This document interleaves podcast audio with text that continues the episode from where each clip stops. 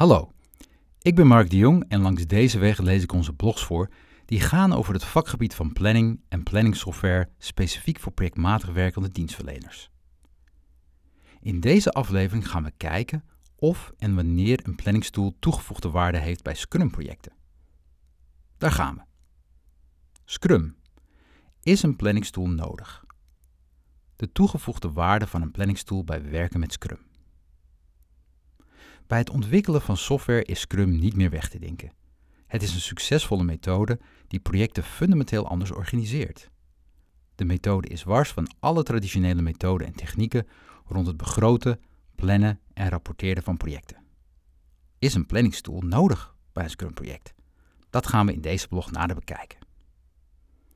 Plannen in een Scrum-project lijkt overbodig, want met Scrum plan je namelijk mensen fulltime op projecten.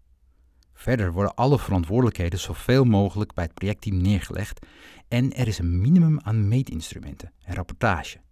Heel veel informatie wordt analoog tijdens korte vergaderingen, stand-ups, uitgewisseld en op fysieke borden bijgehouden. Heeft een planningstoel dan niets te bieden? Zeker wel.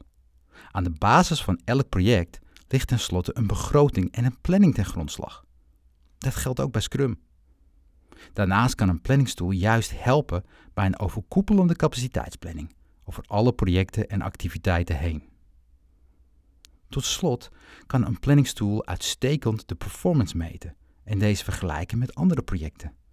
Zo kan je van voltooide projecten leren. 1. Scrum plant wel degelijk, alleen anders. Het begroten van user stories. In Scrum worden user stories begroot in story points in plaats van uren. De basis van een storypoint is echter nog steeds tijd, oftewel uren. Alle user stories worden relatief ten opzichte van elkaar begroot. Dit wordt gedaan aan de hand van de techniek planning poker. Uiteindelijk resulteert dit in één grote verzameling, een product backlog, van user stories die allemaal een begroting hebben. Het bepalen van de doorlooptijd op basis van sprints. Vervolgens worden er sprints gepland. Een sprint is een periode van een vast aantal weken, bijvoorbeeld drie. De lengte van een sprint en het aantal sprints zal sterk afhangen van de omvang van de user stories in story points, uren, en de beschikbare capaciteit van het projectteam. Als de user stories gemiddeld veel story points omvatten, dan zul je sneller een langere sprint nodig hebben. Het samenstellen van het team, de capaciteit.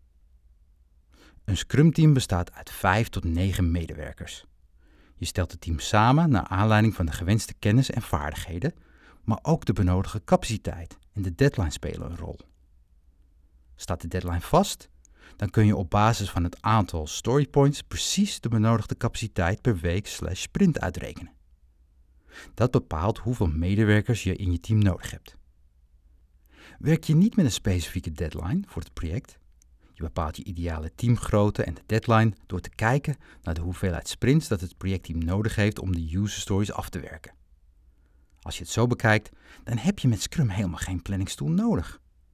Is dat ook echt zo? 2. Een planningstoel blijft bij Scrum nodig. Inzetplannen bij Scrum is eenvoudig en nodig.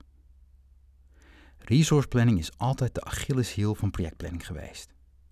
Heb je eindelijk je project in detail gepland, begint je project opeens te schuiven. Dramatisch, want andere projecten maken tussendoor ook gebruik van jouw medewerkers en de resource planning valt dan als een kaartenhuis in elkaar.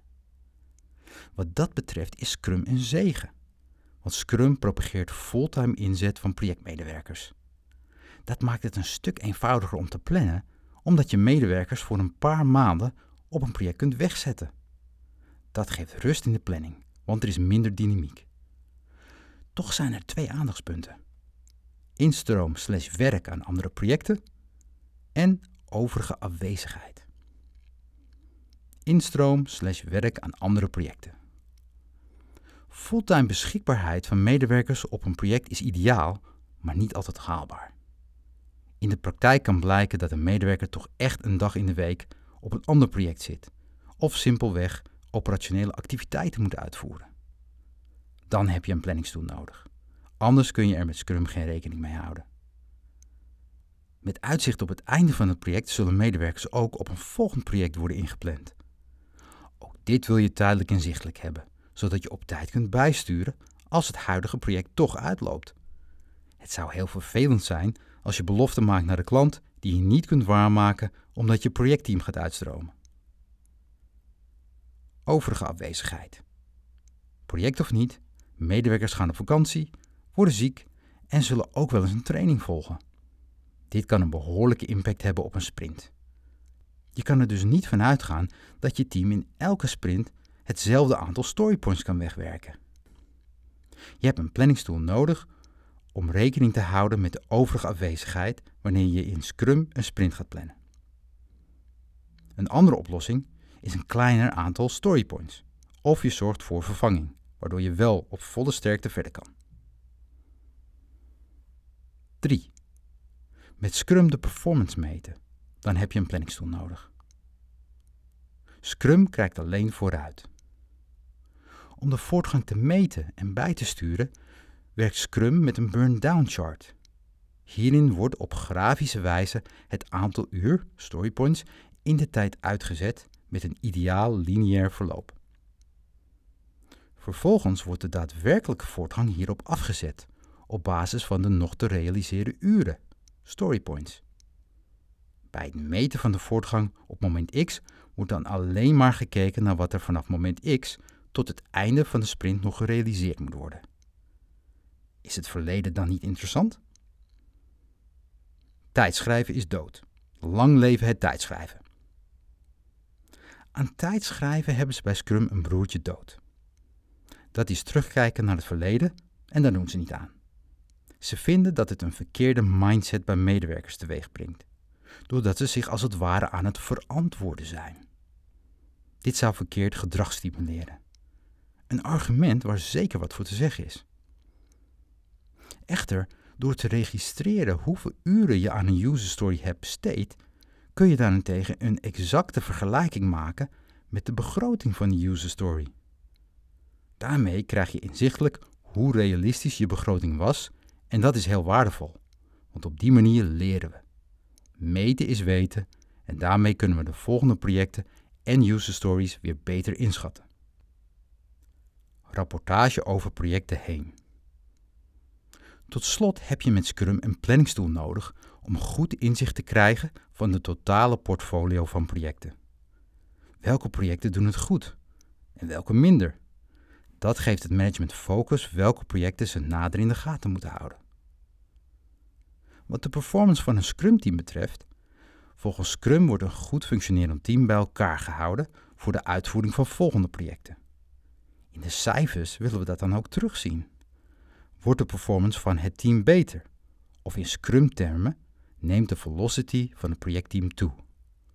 Omdat een planningstool de historie vasthoudt, kan het goed in deze informatie voorzien. Conclusie. Als je over slechts één team beschikt dat volgens Scrum werkt, dan is een planningstool niet nodig. Het is immers steeds hetzelfde team dat sequentieel projecten wegwerkt. Natuurlijk is het interessant om de performance te meten, maar een planningstool zal hier geen bittere noodzaak zijn. Maar bij een dienstverlener met meerdere Scrum-teams en medewerkers die ook nog aan andere projecten en activiteiten werken, is een planningstoel absoluut nodig. Je hebt tenslotte een grotere pool van medewerkers die continu in- en uitstromen op projecten. Grip op de capaciteitsplanning is dan essentieel, omdat anders de uitvoerbaarheid van projecten gevaar begint te lopen. Voor TimeWorks zelf hebben we uitgewerkt hoe je de Scrum-methode in TimeWorks kunt vormgeven. Zie hiervoor dit supportartikel.